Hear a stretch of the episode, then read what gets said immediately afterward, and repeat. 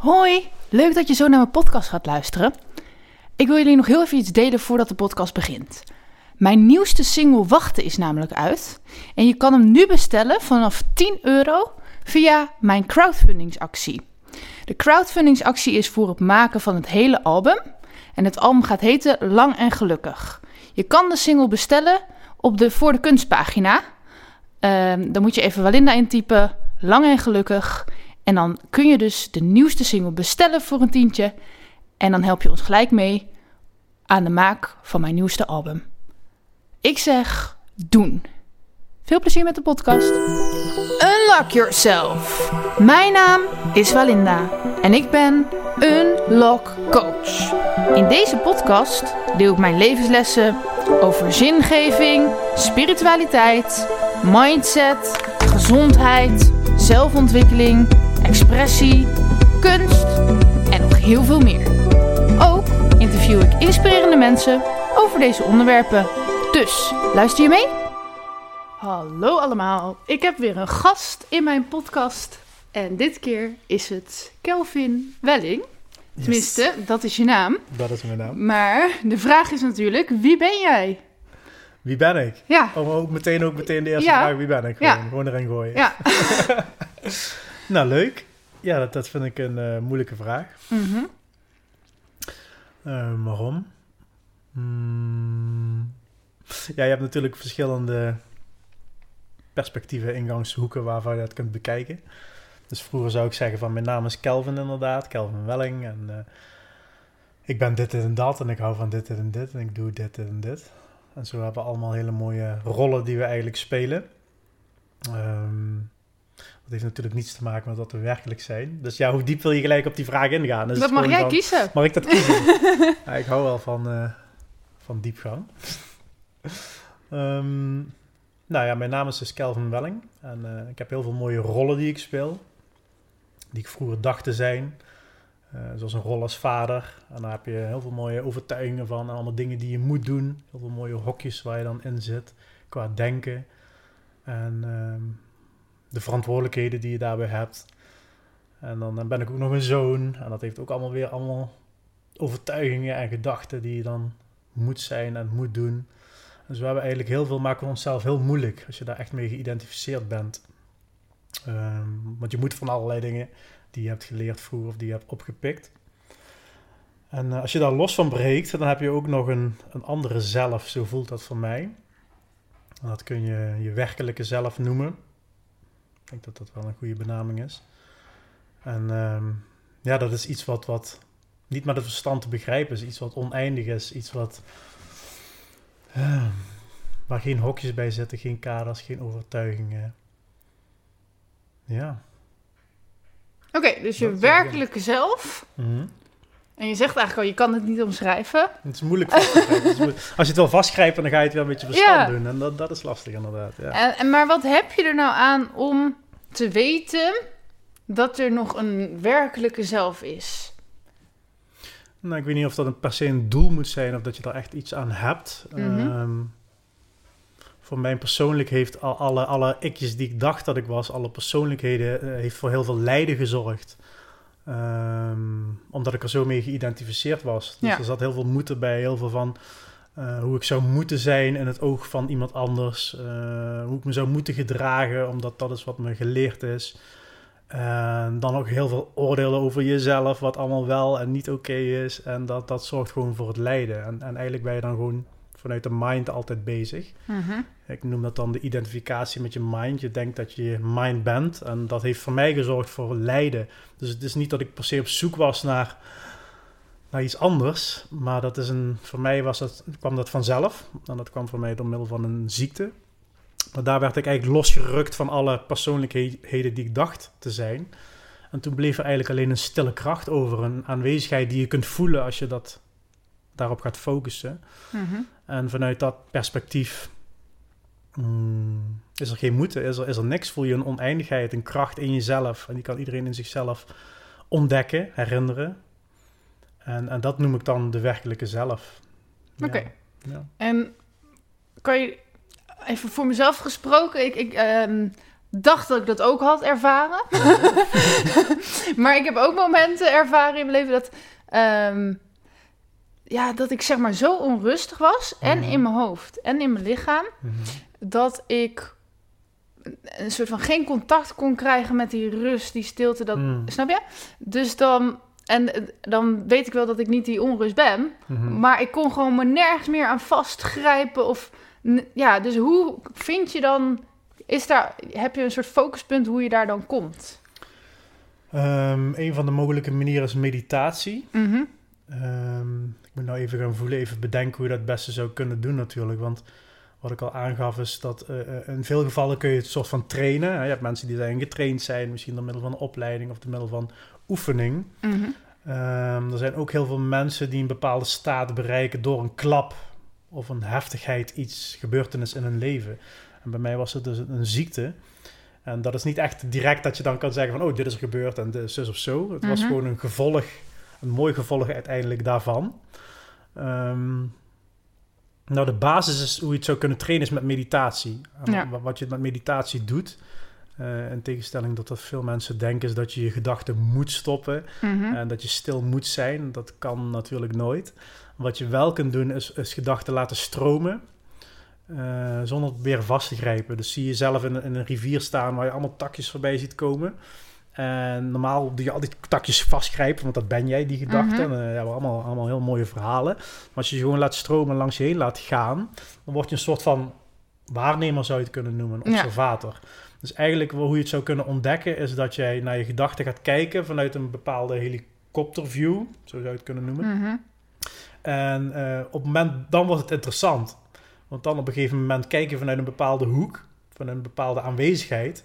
En dan, is, het- dan denk je denken van, hé, hey, maar oké, maar wie of wat is nou degene die naar die gedachte kijkt? Ja, Of naar, naar al die stemmetjes? ja. Want als ik die stemmetjes dan niet ben, wat is nou degene die daarnaar kijkt? Of die, ja, dat is, er is nog een andere aanwezigheid.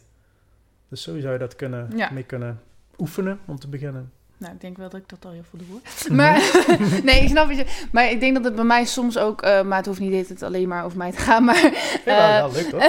dat het bij mij is. ehm, ik denk dat al, wat je nu omschrijft, heb ik denk ik al wel gevonden. Maar ik heb gewoon periodes gehad dat, dat ik dus zo onrustig werd, ondanks meditatie, ondanks Mhm. observatie.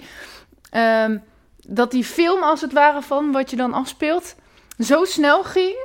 En in de gevoelens en in de beelden. Mhm. En d- dat, eh, ja, dan weet je wel dat je die observator bent, maar ik, kon er geen contact meer mee krijgen, zeg Mhm. maar. Ik werd gewoon helemaal meegesleurd met die storm als Ja, het ware. ja, ja. Dus dat. Maar goed, ehm, dan weet je dus, hé, hey, er is nog een andere aanwezigheid Mhm. of zo. Maar ik, trouwens, beginners gaan hier denk ik al helemaal niks meer van snappen, maar dat maakt niet uit. het is gewoon een podcast. Jij bent de leidster, eh, Ja, ik vind, het mij. leuk, ik vind ja. het leuk om gelijk diep te gaan. Ja, precies. Misschien Maar- kun je dat bij vermelden, inderdaad. Ja. maar, ehm, wat wil ik nou zeggen? Oké, dus dan is er nog een andere aanwezigheid. Mhm. Maar wat is dat dan?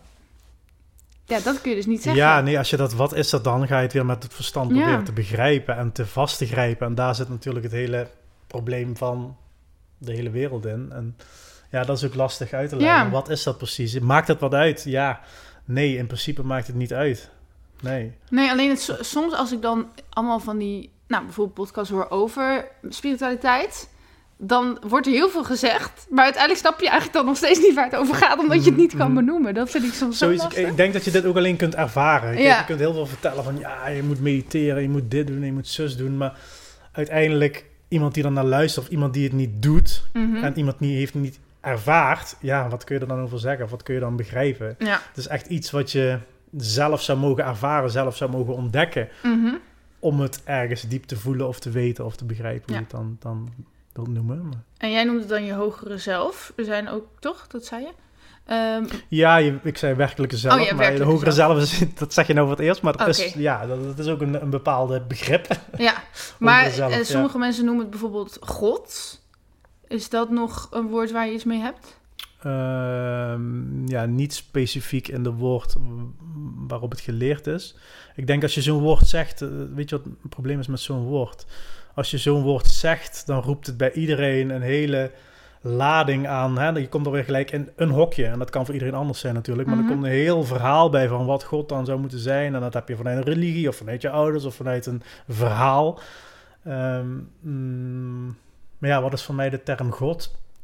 Eh, je zou het ook wetenschappelijk kunnen benaderen. Je, je zei net Mhm. hogere zelf, dat is op zich wel grappig. Mhm. Ja, maar, we- het- maar ook, het- ook in die termen blijf je in hokjes. Want Ja, elk ja, woord maakt weer een hokje. Ja, dus het is ook vrij lastig om te benoemen. Maar Ja. ja, ja als je dan even, even, even snel in het kort wil uitleggen. ja, ik weet niet of we dan wel gelijk de diepte in gaan. Ja, we zijn toch wel heel diep, dus het maakt niet uit. Eh, ja? Ik zit in een heel leuk lichaam. Dat is een soort van voertuig, een jasje. En Mhm. ieder lichaam waarin je aanwezig bent, heeft een ziel. Nou, dat, dat, zo kun je dat noemen. Ik zeg ook niet dat dit natuurlijk waarheid is. Nee, nee, zo, je ervaar Zo kun je het. misschien een, een naampje geven. ja. En het grote interessante van, van deze wereld is, is dat we een multidimensionale wezens zijn. Dat houdt in dat we in oneindig veel verschillende eh, lichamen zijn en werkelijkheden en dimensies tegelijkertijd in het nu. Dus er is ook geen verleden, geen toekomst. Eh, er is alleen een nu. Mhm. En daarin vindt alles plaats. ja, dat maakt het lekker duidelijk en Mhm. lekker interessant. Maar ehm, het lichaam waar je nu in zit is gekoppeld aan een ziel. Nou, Ja. Die heeft hele mooie doelen. Die heeft hier, is hier met een reden gekomen om bepaalde dingen te ervaren. En al die zielen die zijn weer gekoppeld aan een hogere zelf. En die hogere zelf heeft direct toegang tot de bron, als je het zo mag noemen. Mhm. Of God, als je het zo mag noemen. Of wetenschappelijk gezien het kwantumveld. Zo Mhm. wordt dat ook wel genoemd. En dat is een bron van, van, ja, van eenheid, van pure aanwezigheid, van isness. Ehm, en dat is heel moeilijk om dat weer vast te grijpen. Ja. Want daar is niets in die zin. Er is Nee. geen lichaam, er is geen verhaal, er is geen liefde, er is geen angst, er is geen dualiteit zoals wij die hier ervaren. Het is een bron van oneindige energie. Dat is de bron waarin je intapt als je, als je wat dan ook in jezelf mm, downloadt. Of, of een, iedere uitvinder maakt daar contact mee zonder dat hij het weet, wellicht. Mhm.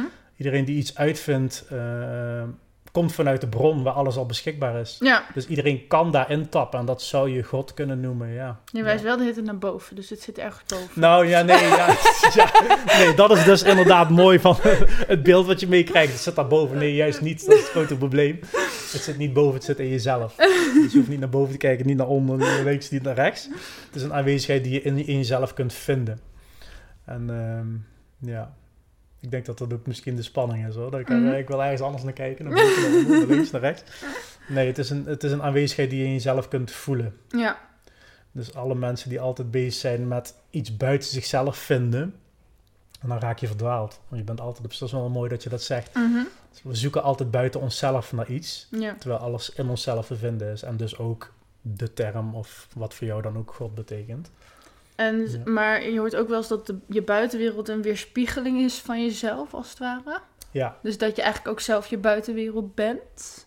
Of is dat weer te kort Eh. geconcludeerd? Ik weet dat... ja ik, ik, Ja.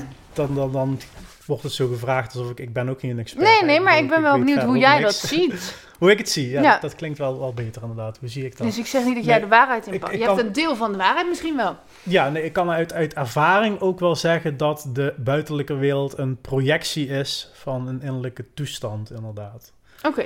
De buitenwereld is een projectie inderdaad van een innerlijke toestand. Dus als je innerlijke toestand verandert, verandert je buitenwereld ook mee. Ja. En hoe kan ik dat even in voor alle mensen die nou denken van, wat zijn we in godsnaam aan het vertellen? Ehm, vroeger, Ja. eh, even kijken, hoe gaan we dat even uitleggen? Eh, een voorbeeld geven. Ja, relaties. Mhm. Vroeger trok ik heel veel vreemdgaande eh, vriendinnen aan. Ik trok heel veel vriendinnen aan die, li- die lieten mij zien of voelen dat ik niet goed genoeg was. En eh, uiteindelijk, toen ik de reis naar binnen maakt, eh, maakte, ontdekte ik dat ik me niet goed genoeg voelde. Ik zette me altijd op de tweede plaats. Ik, had een, ik haatte mezelf ook, dat is een ander verhaal. Maar Mhm. eh, ehm, ik voelde mezelf niet waardig, ik voelde mezelf niet goed genoeg. En wat er dan gebeurt, is dat je in de buitenwereld situaties aantrekt, mensen, die jou dat weer spiegelen. Ja. En het grappige was, op het moment dat je dat in jezelf gaat oplossen, dus dat je in jezelf gaat kijken, waar komt het vandaan, en liefde, hoe je het ook wilt noemen, zelfliefde gaat herinneren, ontdekken, eh, verandert die buitenwereld ook. Ja. Dus letterlijk van de een op andere dag, in praktijk heeft dat langer geduurd, maar van de een op andere dag trok ik andere situaties aan, Ja. eh, andere relaties. Eh, nooit meer vreemdgaande of, of, of ehm, vrouwen gehad die logen, omdat ja, ik niet meer tegen mezelf loog. Dus ja, misschien is het zo wat duidelijker uitgelegd. Ja. Dus als je... Ja, oké. dus als, ja, ik, ik snap wat je zegt. Ik ga het ook niet samenvatten. Je zegt het gewoon mooi. Oké, we gaan weer even... ehm, wat... Ja, is nog steeds wel diepgaand, maar niet zo diepgaand. Wat is, denk je, jouw missie op deze aarde? Eh, mijn missie. Of gewoon, wat doe je? Oh, wat doe je? nee, ik, ik, ik, ik heb wel een missie. Eh, mijn missie is, is eigenlijk mensen weer in contact te brengen met hun gevoel. Ik denk Mhm. dat het wel de rode lijn is. Mhm. Eh, de reis van hoofd naar hart. Van, van niet voelen en verdoven naar voelen. Van ziekte naar genezing. Ik ben even wat dingen op het Mhm. noemen. Waarom? Omdat ik dat zijn dingen die ik heb ervaren en doorlopen. Ja. En dat werd voor mij eh, mijn missie in die zin van... hey, dit is de, hier ligt mijn kracht. Dit is wat ik heb ervaren. En dit is hoe ik andere mensen zou kunnen inspireren en kunnen helpen. Ja. Ja. Oké. En ehm, waarom moeten we die reis maken van hoofd naar hart?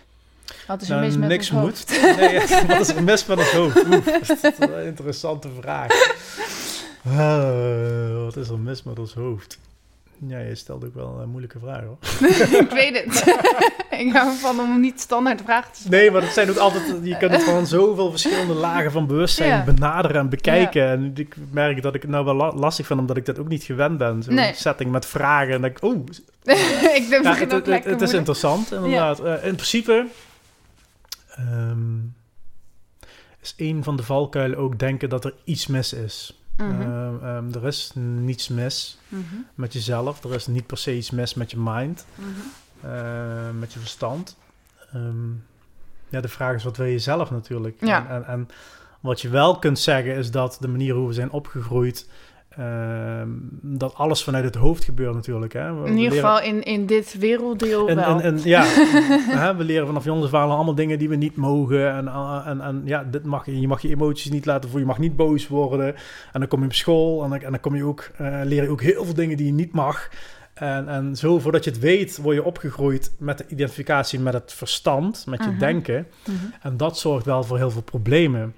Eh, ehm, is dat fout? Nee, dat is gewoon iets wat het is. Maar mm, als je jezelf daarin kunt herkennen... en je bent iemand die continu in, in, in het verleden of in de toekomst zit... en je bent daardoor aan het lijden... wat gewoon voor heel veel mensen geldt... dat is gewoon een feit... dan zou je kunnen zeggen, oké, wat wil je? Ja. Wil je dat veranderen? Want je hebt een keus. Er is, er is een verandering mogelijk. Ja. Ja. Oké. Ik ga even heel flauw doen. Maar nog wel. wie zegt dat je gevoelens per se met je hart doet? Kan, nee, kan je niet met je hoofd voelen? Want, want je hersenen nemen die gevoelens waar. Mhm. Ehm, dus waarom zeggen we dan de dat we dat met onze hart doen? Dat is een interessante, want ik neem even een slokje water. Want, Jij dacht, nou... Zie daarom wilde ik me voorbereiden op zo'n, eh, op zo'n interessante podcast natuurlijk, met hele leuke vragen. Weet ik veel. Ik maak het ook niet makkelijk. Nee, oké, dus, dus, dus nogmaals, wil je de vraag nog eens even Ja, stellen? waarom... ehm, ehm, je hoort heel veel mensen in de Mhm. spirituele wereld... Mhm. eh, van ja, we gaan van ons hoofd naar ons hart, gevoel, bla bla bla.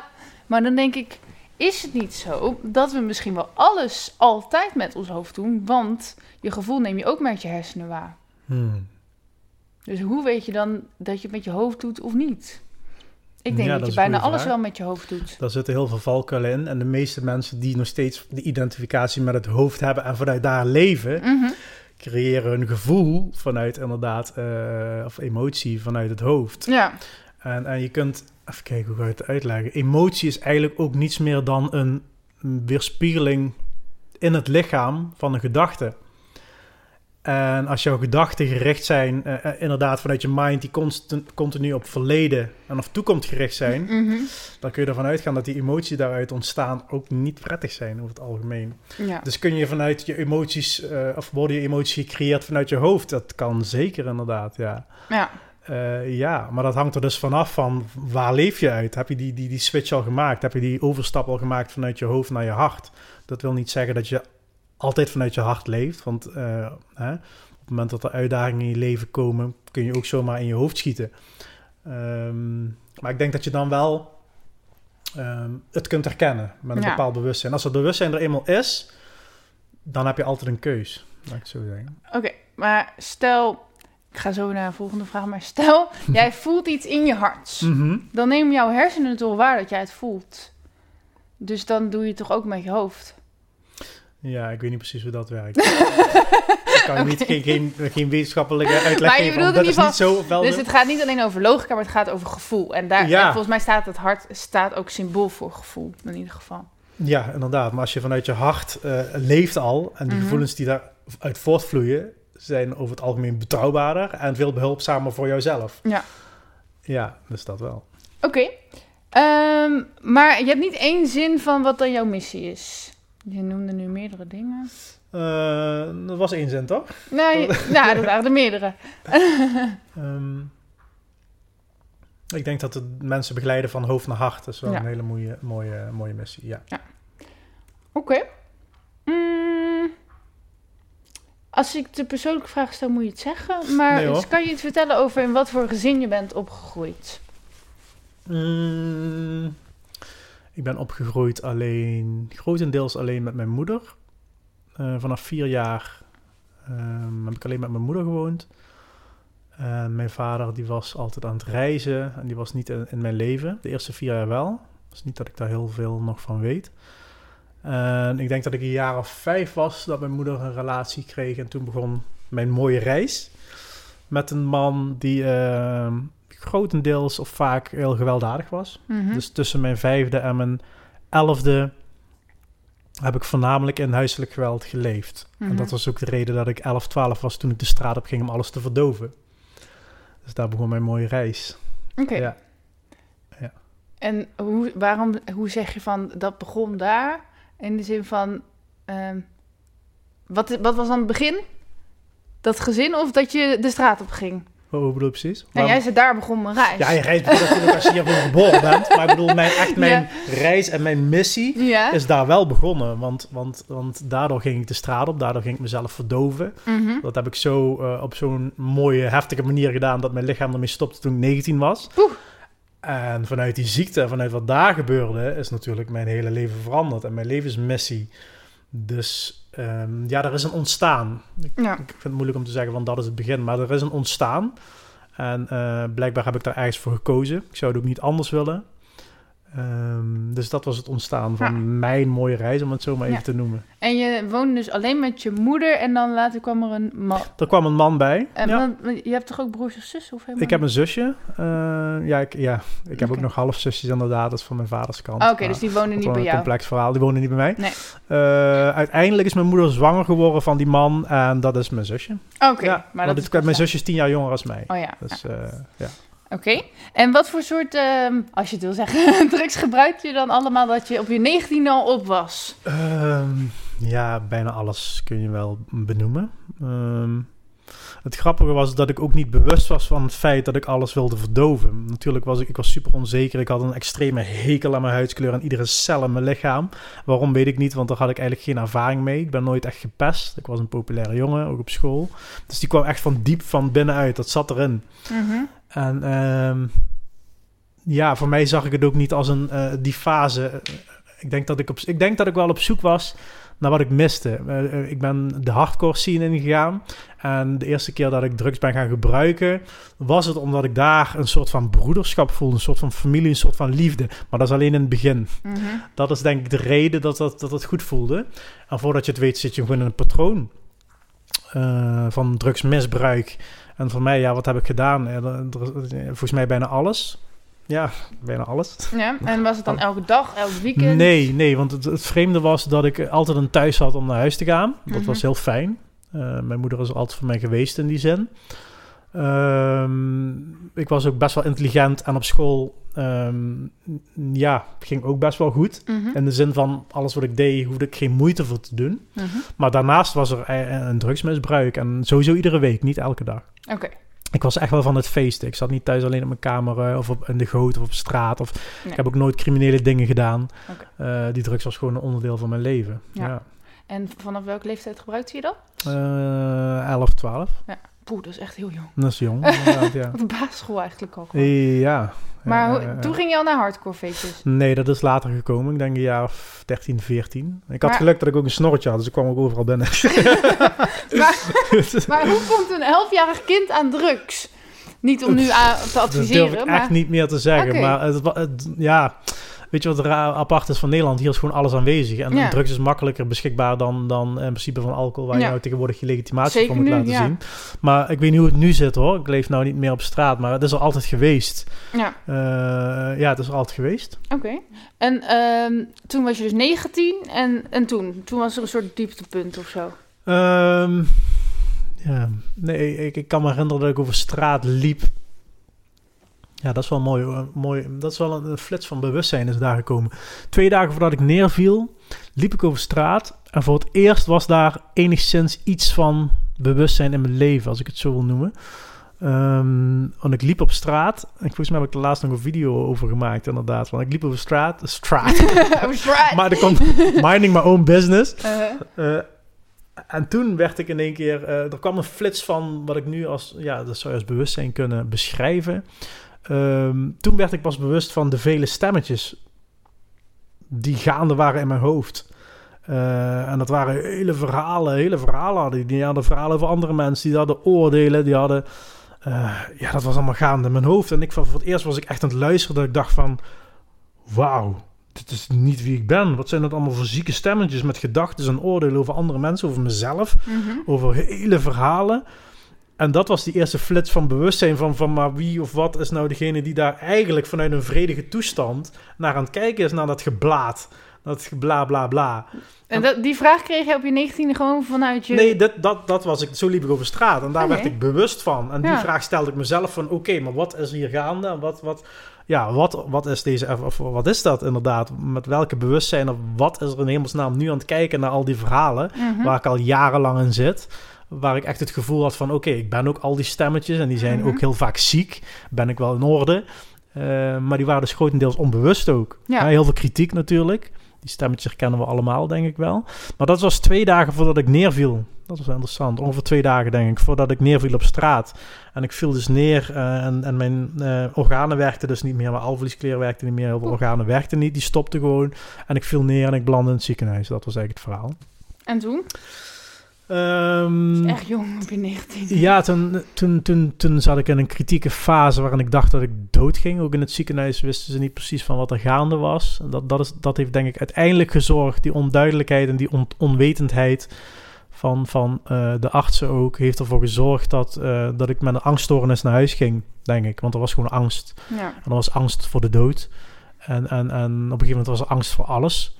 En dus ik ben naar huis gegaan. Ik heb het overleefd inderdaad. Het een heftige periode in het ziekenhuis. En na twee weken ging ik naar huis. En toen dacht ik van, oh, ik kan weer beginnen met een nieuw leven. Mhm. En toen kreeg ik een angststoornis, depressie en, en een burn-out. En ja, Oké, dus je alvleesklier was kapot. Hebben ze die ja dan... kapot. Die werkte niet. En ik weet niet Ja. precies hoe het werkt. Maar een deel van de alvleesklier heb je niet nodig. En een andere deel heeft wel een functie. En, en er was van alles mis mee. En ja, dat is kritiek blijkbaar. Ja.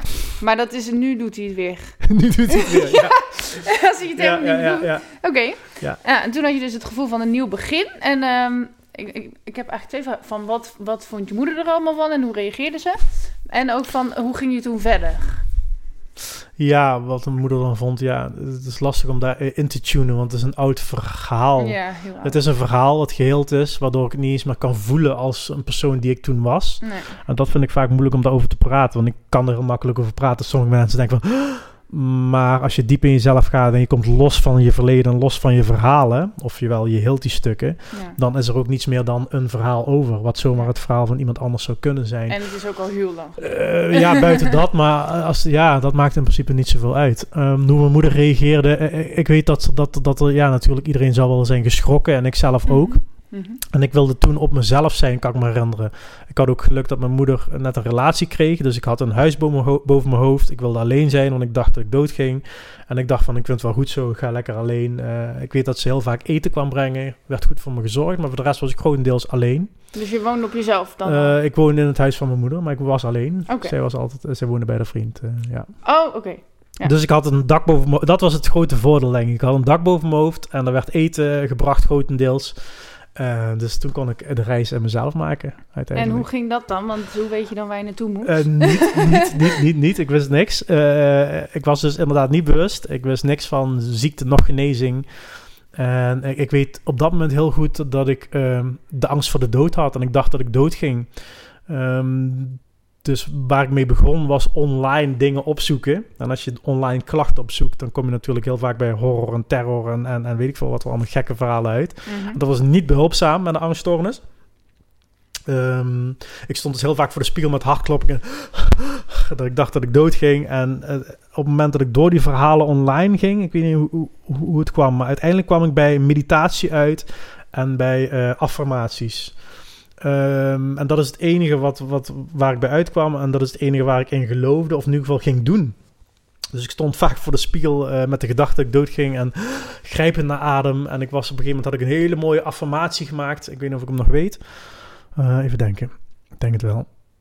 Ik ben gezond, ik ben sterk, ik ben fit en vitaal. Ik kan alles aan, ik ben goed, ik ben gelukkig. Mijn lichaam en geest werken continu en optimaal. Alles wat ik aanraak is een succes. Vanaf nu gaat alles beter. Dat was hem. En werkte die? Nee, nee, Nee. niet meteen. Niet meteen. Na zeven maanden ben ik wel, was ik genezen, overigens, van Ah. alles. Maar eh, nee, dat werkt niet meteen. Het mooie en het nadeel van affirmaties is affirmaties werken. Mhm. Eh, het, de reden wat het, waarom het bij mij toen zo krachtig was, is omdat ik en thuis zat, niks te doen had. Ik ben gestopt met school. Ik denk dat ik vier uur per dag besteedde aan mediteren en aan affirmeren. En dat is de reden waarom het zo snel effect had, denk ik. Mhm. Want eh, als je weet dat ieder mens tussen de 40 en 80.000 gedachten per dag heeft, Mhm. dat wist ik pas daarna, maar je hebt tussen de 40.000 en 80.000 gedachten per dag. Dus als jij eh 100 keer of zelfs 1000 keer een affirmatie zegt, dan gaat dat niet werken. Nee. Want je hebt nog eh 79.000 andere gedachten die negatief gericht zijn. Vaak, Nou ja, maar nu, klink, nu gaat niemand er meer aan beginnen. Eh, ik denk dat het wel... Nou ja, inmiddels zijn er ook andere krachtigere technieken. Maar affirmaties zijn gewoon heel krachtig. Alleen voordat het echt een daadwerkelijk effect heeft, moet je moet je erin gaan geloven. En je moet het heel vaak herhalen. En voelen. En voelen. Ja. Dat is de kracht. En die voel je in het begin niet. Nee. Nee, dus en, en, en het vreemde is dat ik ook gewoon eh, de motivatie had op een of andere manier. Want de doktoren hadden zoveel fouten gemaakt, ik wilde daar niets mee te maken hebben. Ik, ik ben er zelf achter gekomen dat ik een angststoornis had. Mhm. Dat vond ik dus online. ja. En toen ik naar de dokter ging uiteindelijk, toen zei hij van, ja, dat zou kunnen. Ik denk van, ja, eh, oké, dat had je wel mogen vertellen. Maar ehm, hij bood dus medicijnen aan, medicatie en praatgroepen. Mhm. Daar geloofde ik toen al niet in. Dus ik, dus ik heb hem bedankt en gewoon netjes gezegd van, ik doe het wel alleen. Mhm. En dat was mijn motivatie, denk ik. Daarom heb ik me vastgeklampt aan meditatie en affirmaties. En de eerste twee maanden heb ik echt niet gevoeld dat dat ging werken. Mhm. Ik bedoel, ik, ik kan me nog goed herinneren dat ik s'nachts... eh ik kon ook niet slapen. Ik, ik viel in slaap en ik werd makker met een paniekaanval. Dus hartkloppingen en rennen en, en adem. En, en toen ben ik vaak naar buiten gerend. En toen ging ik dus voor de spiegel staan. En ik ben gezond, ik ben sterk, ik ben fit en vitaal. Huilend, schreeuwend. Dus de eerste maanden voelde ik helemaal geen... eh, de eerste twee maanden voelde ik geen effect. Nee. Maar was, het, was het dan eigenlijk ook niet zo dat je eigenlijk ook nog aan het afkicken was? Want je, Eh, daarvoor gebruikte je veel. Ja, je kunt het afkicken noemen, maar ik heb... ehm, ja, drugs was een onderdeel van je leven. Vaak kik je af als het bij... Ja, dat vind ik moeilijk uit te leggen. Ik, heb nooit naar, ik ben nooit naar een kliniek of zo gehoeven of geweest. Nee, oké, maar dan ben je toch eigenlijk Eh, zelfstandig aan het afkicken, want je ging het... Ja, als je het zo wil noemen wel. Ja, ja. Het is ook niet dat ik drugs moest gebruiken omdat ik er verslaafd aan was. Nee. Ik gebruikte gewoon drugs omdat het een onderdeel was van mijn leven. Als ik drie weken niet naar een feest ging, gebruikte ik drie weken niet. Als ik eh, een week lang feest had, gebruikte ik een week lang. Oké, maar Ehm, ehm, dus je komt uit zieken en je, wil, je gaat aan jezelf werken, en, maar je ging toen niet meer vluchten in drugs. Nee, Omdat maar dat kon ook door- niet. Omdat ik... nee. Er zat zoveel angst en spanning. En, Ja. en, en dat ik, dacht dat ik dood ging. Dus Ja. nee, drugs is wel het laatste waar je daar aan moet grijpen. Want dan was ik waarschijnlijk misschien wel dood gegaan. Nou, maar goed dat je dat wel een andere Eh, keuze hebt gemaakt. Het was, het was ook niet eens een keuze. Dat is, dat is gewoon echt een verloop. ehm, eh, eigenlijk was het een cadeau. Ik bedoel, van wie houdt in godsnaam eh, mediteren en affirmeren vol... terwijl ik niet eens wist wat ik aan het doen was. Nee, Terwijl ik dacht dat ik dood ging. De meesten zouden naar een dokter gaan... of naar een psychiater of praatgoed... of medicijnen geven. ja. Maar dat is dus... medicijnen noem ik nou... maar medicijnen zijn dus drugs. Ja. Reguliere medicatie noem ik drugs. Waarom? Omdat het pleisterplak is... omdat het verdooft... omdat het je weghoudt bij je kern. Ehm, dus op dat moment zou me dat meer hebben verdoofd... en dan zou ik echt verdwaald zijn. Ja. Heling zit hem in het voelen en in het doorvoelen van alles wat aanwezig is. Dus mijn depressie uh, hield zichzelf ook door het te voelen. Ja. En de affirmatie en de meditatie helpt. Maar ehm, wat, er, wat ik nu kan zeggen, wat er toen is gebeurd, is dat ik gewoon mijn ziekte heb doorvoeld. Ja. Wat ik eigenlijk ook wel, want ik ging ook inderdaad met affirmeren bezig. Hmm. Maar ik dacht juist, ik moet me voelen ehm, zoals ik wil worden. Mhm, mhm. Dus ik mag mijn pijn niet voelen. Hmm, Snap je? mhm. Dus ik ging alleen maar, ik voel me goed, ik Ja, voel me ja, goed, ja, ik voel me goed. En dan, dat werkte ook. Alleen op een gegeven moment word je gewoon bam in je pijn geduwd als het ware. Want dat is gewoon niet in balans dan. Nee, dat is wat je zou kunnen noemen een spirituele bypass. Want waarschijnlijk heb je ooit het verhaal gelezen van eh The Secret of zo'n mooi verhaal van waar je positief moet zijn. Ja. Maar het is gewoon een escape. Want, want, want Nou ja, eh, het heeft, heeft me ook heel ik heb er wel geleerd en ge- gebracht, zeg maar. Mhm. Alleen ik duwde eigenlijk ook gewoon alle pijn weg. Ja, en dat is, het, dat is het, eh, een van de grote valkuilen wat er dan gebeurt, Ja. inderdaad. Ja. ja. Want uiteindelijk wil een emotie of een, of een trauma of een whatever, hoe je het ook wilt noemen, wil gezien worden Ja. en gevoeld worden. En, en dat is het, ook het mooie van de medicijnen, de echte medicijnen waar ik nu mee werk, is dat op een of andere dag dat we, hè, dat er een, dat we daarmee gewerkt hebben, dat er ook een trauma geheeld kan zijn. Doordat het volledig doorvoeld is. En of het nou eh, in een dag is, in een week of in een maand, op het moment dat echt iets volledig aangekeken en doorvoeld is, is het geheeld. Ja. Bam, klaar. Alleen in praktijk is er vaak een bepaalde periode nodig natuurlijk. Ja. Dus, eh, Dus even voor de luister, wat, voor, wat doe je nu met medicijnen? Waar heb je ja, daar springen we nou in één keer in, maar daar hebben we het nog niet over gehad. Nou, een van de... eh, eh, ja, misschien moet ik even een logisch gevolg. Dus, eh, ja, dus een wat, logisch je was verhaal. 19, je, bent, Ja. eh, je hebt geaffirmeerd, je bent nou hersteld. ja, ik ben uiteindelijk ben ik hersteld na zeven maanden en dat was lichamelijk hersteld. Mhm. Daar gaat het om. Ik had geen ziekte meer, ik had geen lichamelijke klachten meer, dus ik was lichamelijk hersteld. Maar mentaal gezien eh, had ik nog steeds dezelfde struggelingen. Nog steeds dezelfde mensen die ik aantrok, eh, eh, financieel gezien, emotioneel gezien. Dus mentaal had ik nog niet veel opgelost. Ehm, ehm, en toen ben ik me dus gaan verdiepen in, in, in persoonlijke ontwikkeling. Zo is het eigenlijk begonnen. Ik voelde Mhm. eigenlijk een missie van, maar hier wil ik mensen mee helpen. Ehm, dus ik ben heel veel toen in, in de boeken gedoken en in de kwantumfysica en het ontstaan van emoties en ontstaan van angsten. En, en dat heb ik een aantal jaar gedaan. Ik denk twee, drie, vier jaar. Ehm, maar in het dagelijks leven was ik nog steeds verdwaald, als ik het zo mag noemen. Hoor. was natuurlijk wel een bepaalde bewustzijn, maar de, de, mijn lijden was heel groot op dat moment nog, in, in alle vlakken van mijn leven. En toen zat ik op een gegeven moment op een meditatieavond. Dan springen we even naar, naar het volgende verhaal, een paar Mhm. jaar later. Mhm. Ik zat op een meditatieavond en er was een eh, vrouw naar mij aan het kijken Mhm. vanuit de, vanuit de verte. En het voelde heel ongemakkelijk, want ik zag dat zij echt door me heen keek. Weet je wel, zo iemand die, die naar je kijkt en die, die weet gewoon van, oh, ik ben transparant. Ze Mhm. ziet gewoon alles. Ja. En dat voelde heel ongemakkelijk. En ehm, na die meditatie kwam ze naar me toe en toen zei ze, ik weet niet waarom ik het je moet vertellen. Maar mijn dochter doet eh, ayahuasca-ceremonies. En eh, ja, dat, dat moest ik, ik kreeg dat door, dat ik dat, met ze, dat ik dat moest delen met je. Ik zei, oh, interessant. En ik had wel eens van het woord gehoord.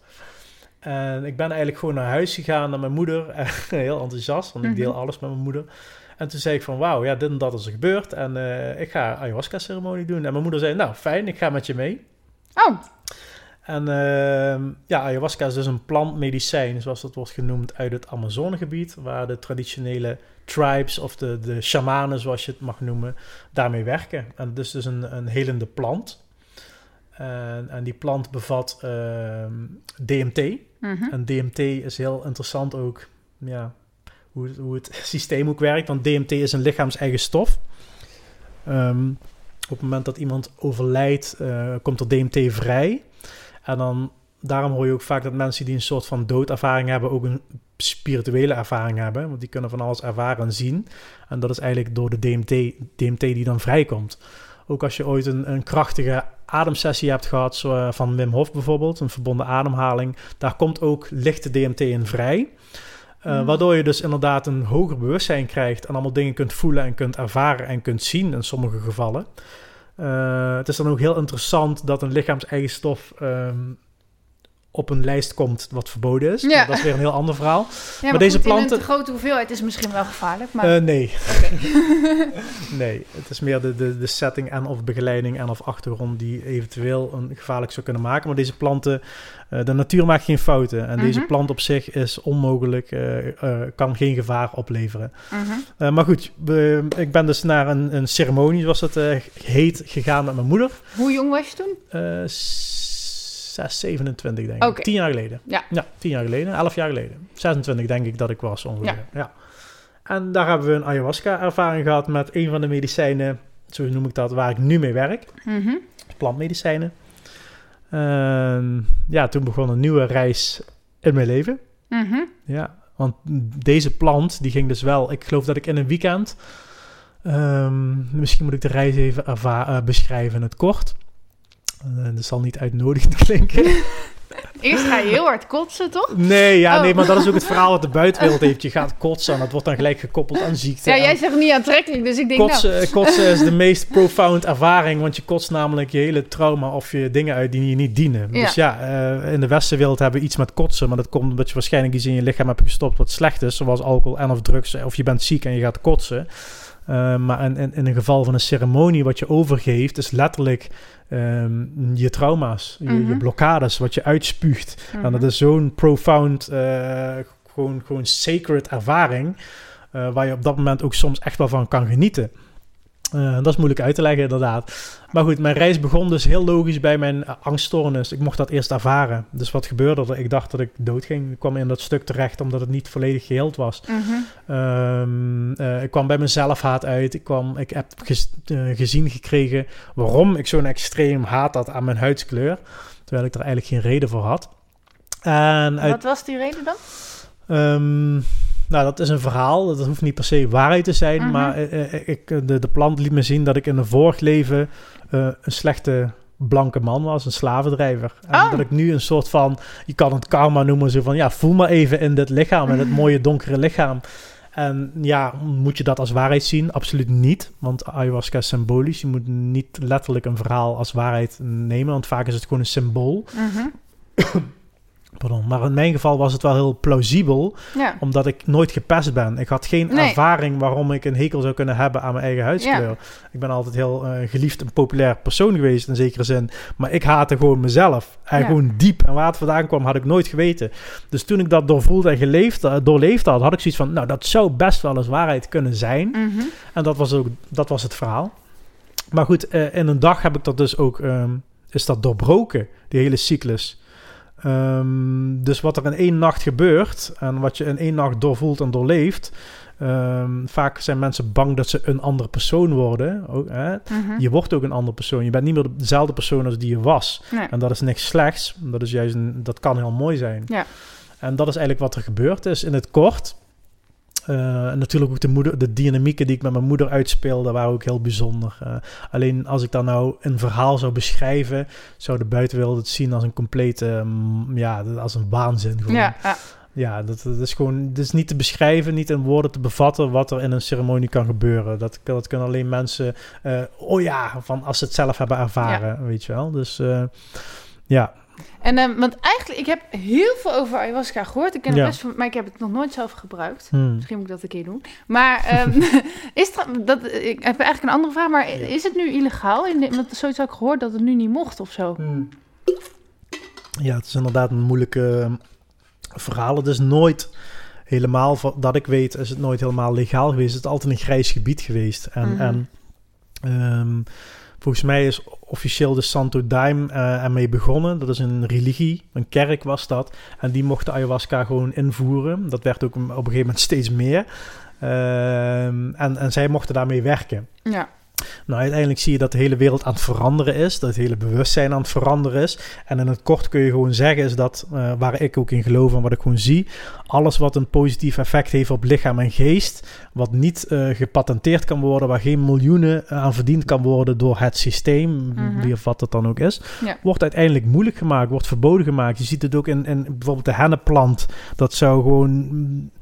Economisch gezien, dat zou een halve wereldprobleem kunnen oplossen. In- In Mhm. brandstof, in kleren en, en producten. En, en dat wordt gewoon illegaal gemaakt, Ja. zoiets, weet je wel. Ook, ook, ja. Dus alles wat het bewustzijn enigszins kan veranderen en een positief effect kan hebben, Uh, dat moeten we ook niet te diep in gaan, vind ik, op deze podcast. Dat wordt gewoon um, illegaal gemaakt. Ja. Dat zie je vaak. Ja. Want, want, want daar hoeven we nou niet op in te gaan. Maar het is Mhm. wetenschappelijk al lang bewezen wat, wat de effecten zijn van ayahuasca, van psilocybine, eh, Mhm. eh, mushrooms. Ik bedoel, er zijn nou in één keer... Nederland was echt een vooraanstaand land op dit gebied, vroeger. Ja, En waarom Nederland in één keer zo'n switch heeft gemaakt. Want zelfs in Amerika en Canada zijn er bepaalde eh, staten of plaatsen waar ayahuasca wordt ingezet voor eh, trauma's, voor, mi- voor militairen, voor politieagenten, eh, voor PTTS, noem je dat zo? PTSS. ja. PTSS, ja, ik weet al die benamingen niet meer. Ik doe niet aan label en benamingen. Maar Uh-huh. Ehm, dat is allang wetenschappelijk bewezen. Dus daar hoeven we ook niet verder op in te gaan. En het is dus heel interessant waarom zulke dingen eh, verboden worden. Ja, maar eh, dus op dit moment is het verboden. Of... Eh, het is altijd een soort van gedoogd geweest. Dus Ja. dan heb je een soort van grijs gebied. Dat kan ook alleen in Nederland. Maar Mhm. het is, eh, eh, de, de DMT zelf de, is gewoon, staat op de verboden lijst. Ja. Ja. Nou ja, ik wilde dus vragen voor de mensen die dus wel nieuwsgierig zijn, maar het nog nooit hebben gedaan. ja. Ehm, als je dus ayahuasca gebruikt, zie je dan beelden? Hmm. Of snap je? Dus ik zit hier, ik heb het op en ehm, ja. ehm, ik heb het op. kom ik dan in een Klinkt andere als een drugsverhaal zo.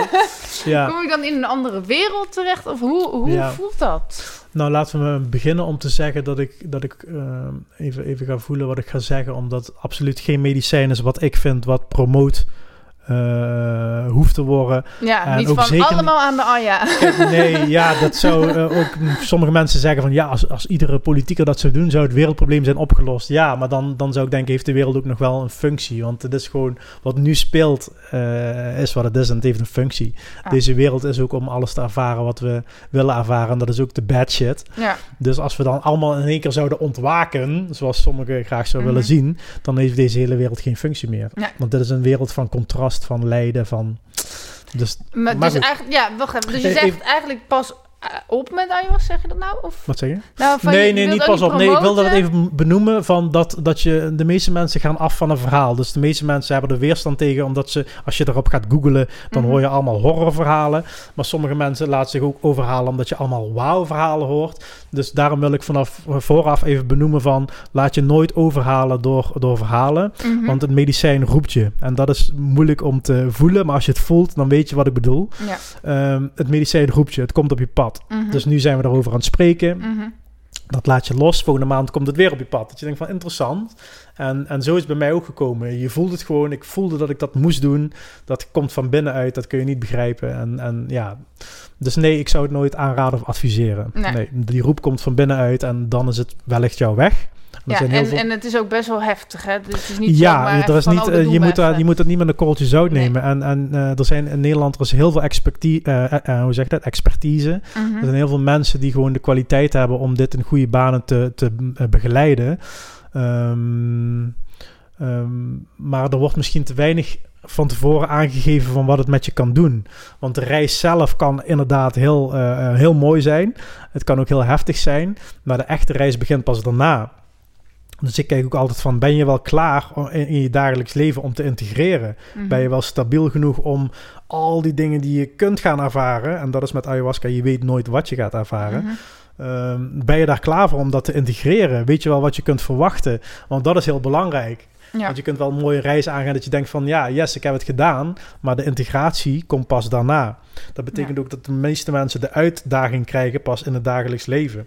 Ja, ik heb ook wel gehoord van mensen dat eh, op, het was een documentaire, maar toen Mhm. werd het ook echt alleen maar van de slechte kant bekeken. Ja, dat maar dat, die mensen die waren heel boos van ja, ik heb trauma's van de ayahuasca en ik heb er nog steeds nachtmerries over. Maar dan denk ik, ja, Ehm, op zich is het logisch dat als jij een bepaalde nare ervaring in jezelf hebt, dat je die ook terugkrijgt met ayahuasca. Ja, maar ten tweede is ook, wat is een nare ervaring? Als jij, er, er zijn ehm, van al de duizenden mensen die ik ooit heb gezien en de ceremonie heb mogen begeleiden, Mhm. ook met de jaren dat ik met een shamaan heb gewerkt, ehm, ehm, kan de ervaring kun je bestempelen als iets wat slecht is. Ik heb iemand gehad die, die de hele nacht heeft liggen overgeven, die in de meest verschrikkelijke horrorverhalen heeft geze- gezeten. In het dagelijks leven, als je dat niet integreert, zou dat als een verschrikking, als een slecht ervaring kunnen hebben. Maar degenen die dat hebben doorlopen, die snappen van waarom was die horrorervaring? Waarom heb ik de hele nacht liggen kotsen? En Wat voor, eh, bijvoorbeeld het fysieke stuk, weet je wel? Wat, wat, wat, er, is- wat, wat is er uit mijn lichaam gekomen? Ehm, dus het is ook een mindset van daarna na, waar je soms wel in begeleid mag worden. Want als je dan niet in begeleid wordt, dan, dan kun je verdwalen inderdaad. Dus ja, maar dan, ja, het is moeilijk om, om, om uit te leggen. Meestal is het gewoon een verhaal. Je kunt iets bestem, bestempelen als goed of slecht. Ja. Maar ja, is het daadwerkelijk wel, is het wel slecht? Ja. Ja.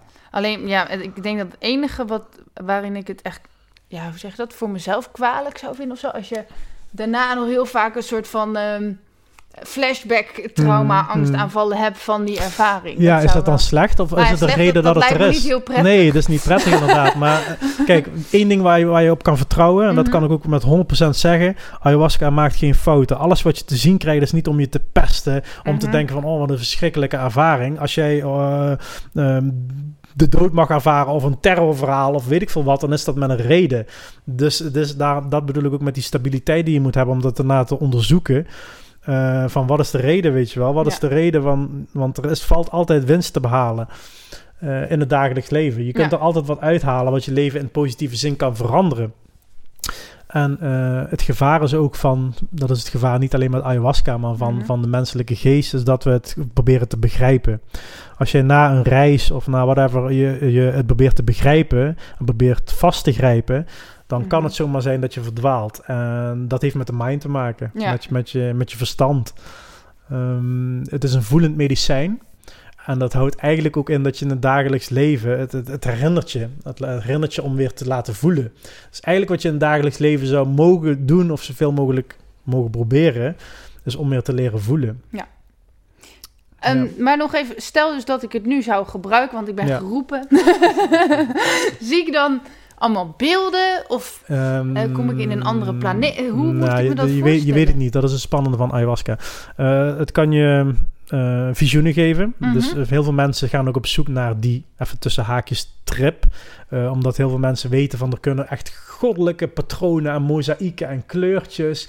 En dat is waar sommige mensen voor komen. Mhm, En als je daarvoor komt, zou ik je überhaupt al niet toelaten. Dat is één ding. Maar, mhm. maar goed, dat is wat je kunt ervaren. De Ik hele de mooie... Ja, ik kom voor de kleurtjes. Ja, dan ga je maar lekker thuis kleuren. Nee, maar ehm, de, kleurtjes, de kleurtjes zijn één ding wat je kunt ervaren. Het kan ook een hele gevoelsreis zijn.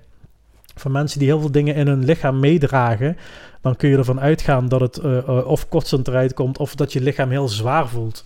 Ehm, dus dat hangt per persoon hangt, er- hang- hangt het af. Het kan ook een ayahuasca vergroot ook je eigen angsten en je dingen. Dus als je iemand bent die in, in, heel veel in het hoofd zit, dan kun je ervan uitgaan, waarschijnlijk als dat nodig is, dat ayahuasca je eerst een hele mentale uitvergroting ziet van dat je in je hoofd zit. Ja. Met hele verhalen en allemaal, allemaal heel spannende dingen, of misschien zijn het wel grappige dingen. Ehm, ja, dus je weet het eigenlijk niet. En dat is de grote, de grote angst voor veel mensen. Want eh, ayahuasca, in het moment kun je het gevoel hebben dat je de controle verliest. Ja. En dat is juist geweldig, want we zijn allemaal controlefreaks.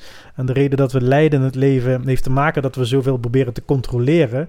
Dus letterlijk out of your mind gaan is een fantastische ervaring die, die eh, in zekere zin dan ook iedereen gunt. ja. Maar ehm, je weet het niet en dat is de, spannen, de spanning. Ik vind het nou nog spannend eh, om te doen. Mhm.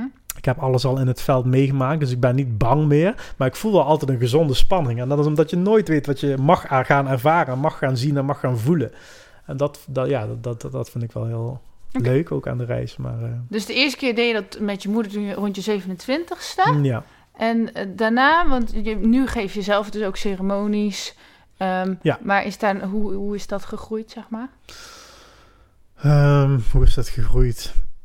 Ja, ik denk dat een logisch ontstaan is geworden. Ik, ik was toen natuurlijk al bezig met alle dingen die mij geholpen hebben eh, om dat te integreren. En om, zodat ik het zou kunnen delen met, met, eh, met iemand anders, Mhm. met, met, met een me- medemens. Ehm, heel veel mensen die, die een ayahuasca-ervaring hebben, die zien in de reis dat ze met het medicijn werken. Of die hebben een bepaalde positieve ervaring dat ze denken, "Ah, ik wil dat ook. En ik heb dat ook in de tweede dag heb ik dat ervaren. Ik zag mezelf eh, in het veld staan, werken met de energie, eh, werken met de plant.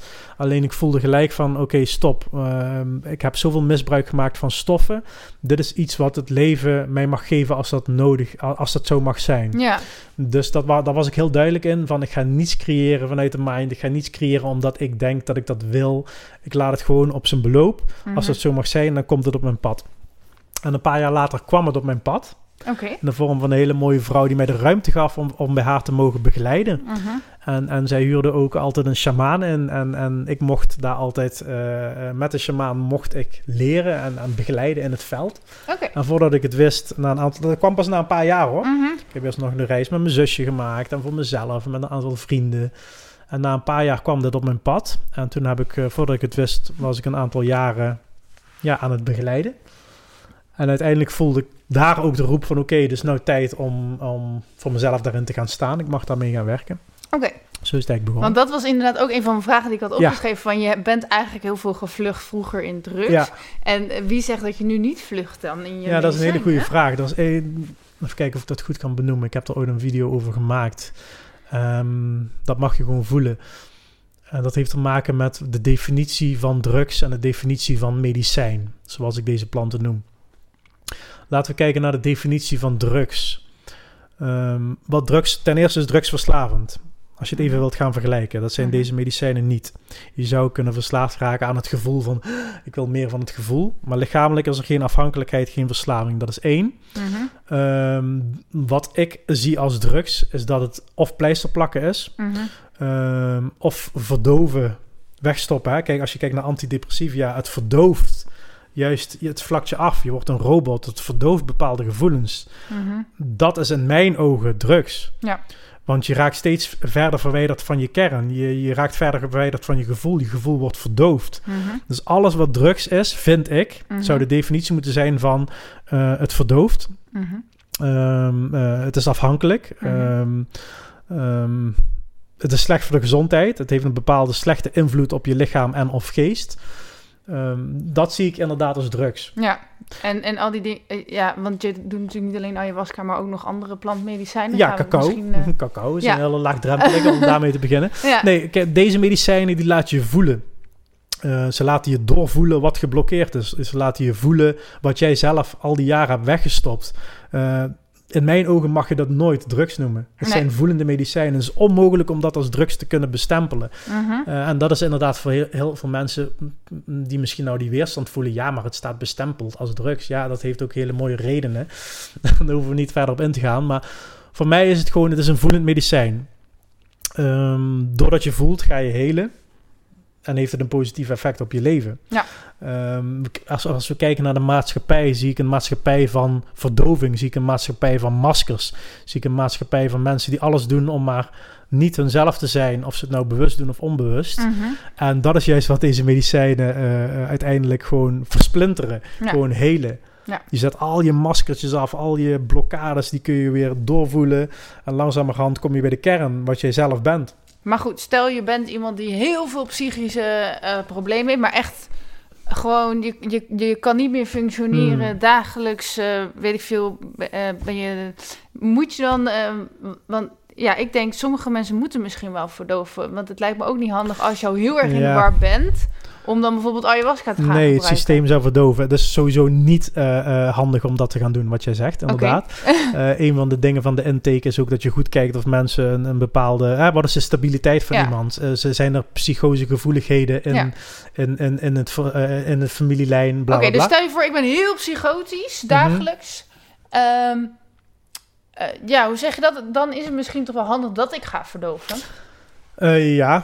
Ja, en ik, kan, ik vind het ook moeilijk om daar een antwoord op te geven, want Mhm. ik ben niet, ik ben geen, geen maar dokter, ik, ik, ik ben jou geen... nu even als heel wijs persoon. Nee, dus ho, nou, ik, nou, ik dankjewel, dankjewel.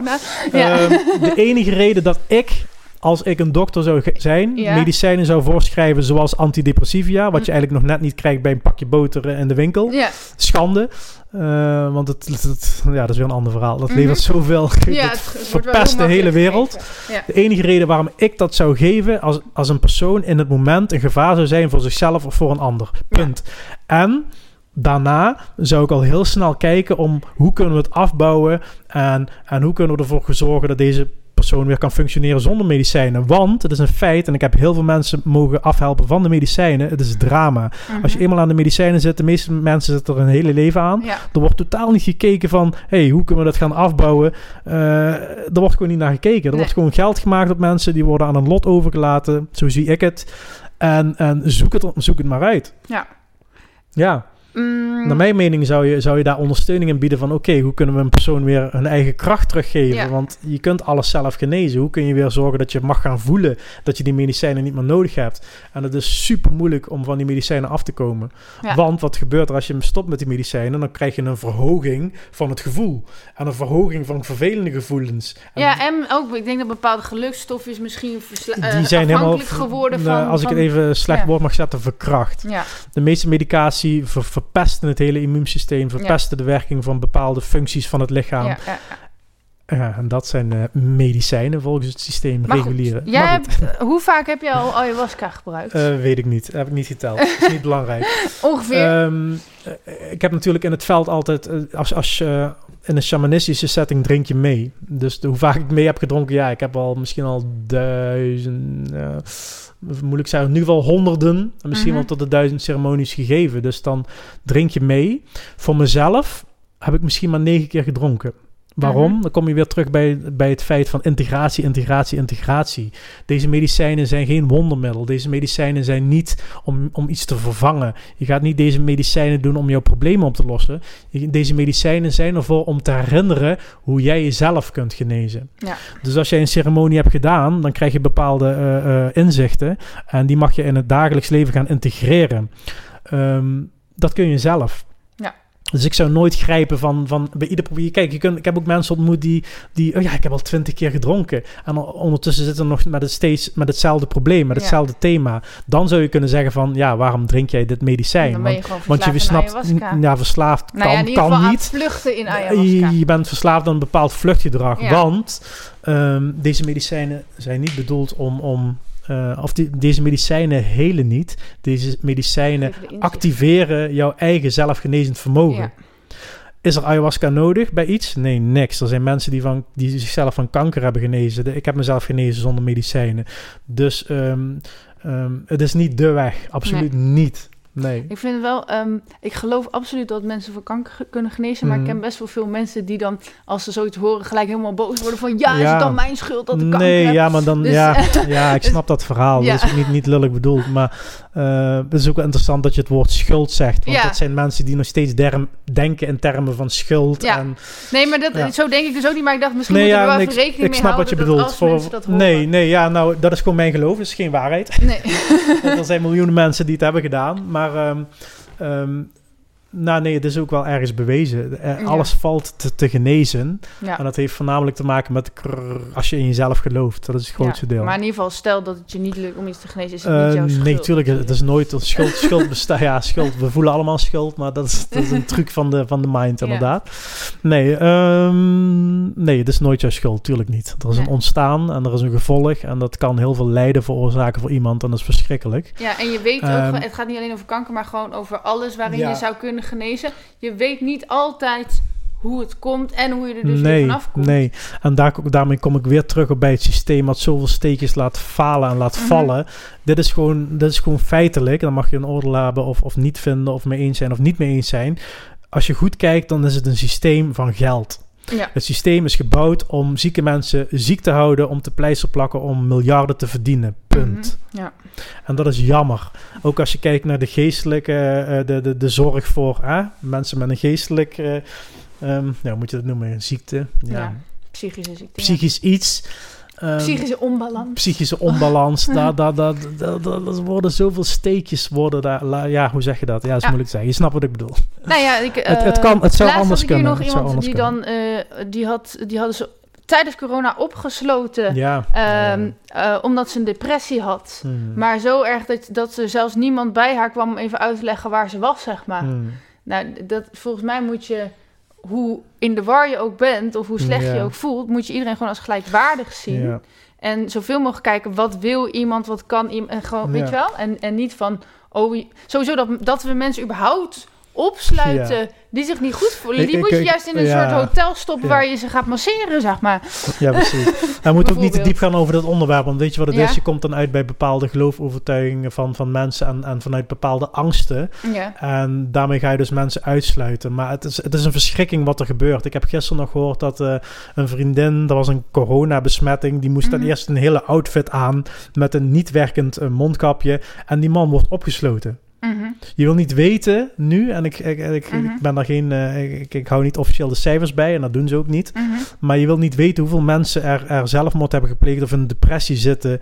Eh, en dat zijn er veel meer dan dat het virus ooit zou kunnen veroorzaken. Van, En Maar even voor die zijn er ook zonder virus. Ja, Maar, maar ja, in ieder geval, überhaupt het hele lockdown is maar de vraag van, was dat beter? nou Dan het ja virus. inderdaad. Maar dat, ja, dat is de- deze podcast niet voor bestemd. Nee. En waarom niet? Omdat, omdat we allemaal mensen zijn. En, en En Wat- iedereen wat- wil, heeft goede intenties, hopen we maar tenminste. Eh, eh, nee, dat niet. Maar iedereen reageert vanuit een bepaalde bewustzijn. En wat, je, wat je nu ziet, Mhm. en, en daar mogen we wel heel duidelijk over zijn, dat het, eh, het nieuws, als je daarnaar kijkt, het is pure angstpropaganda.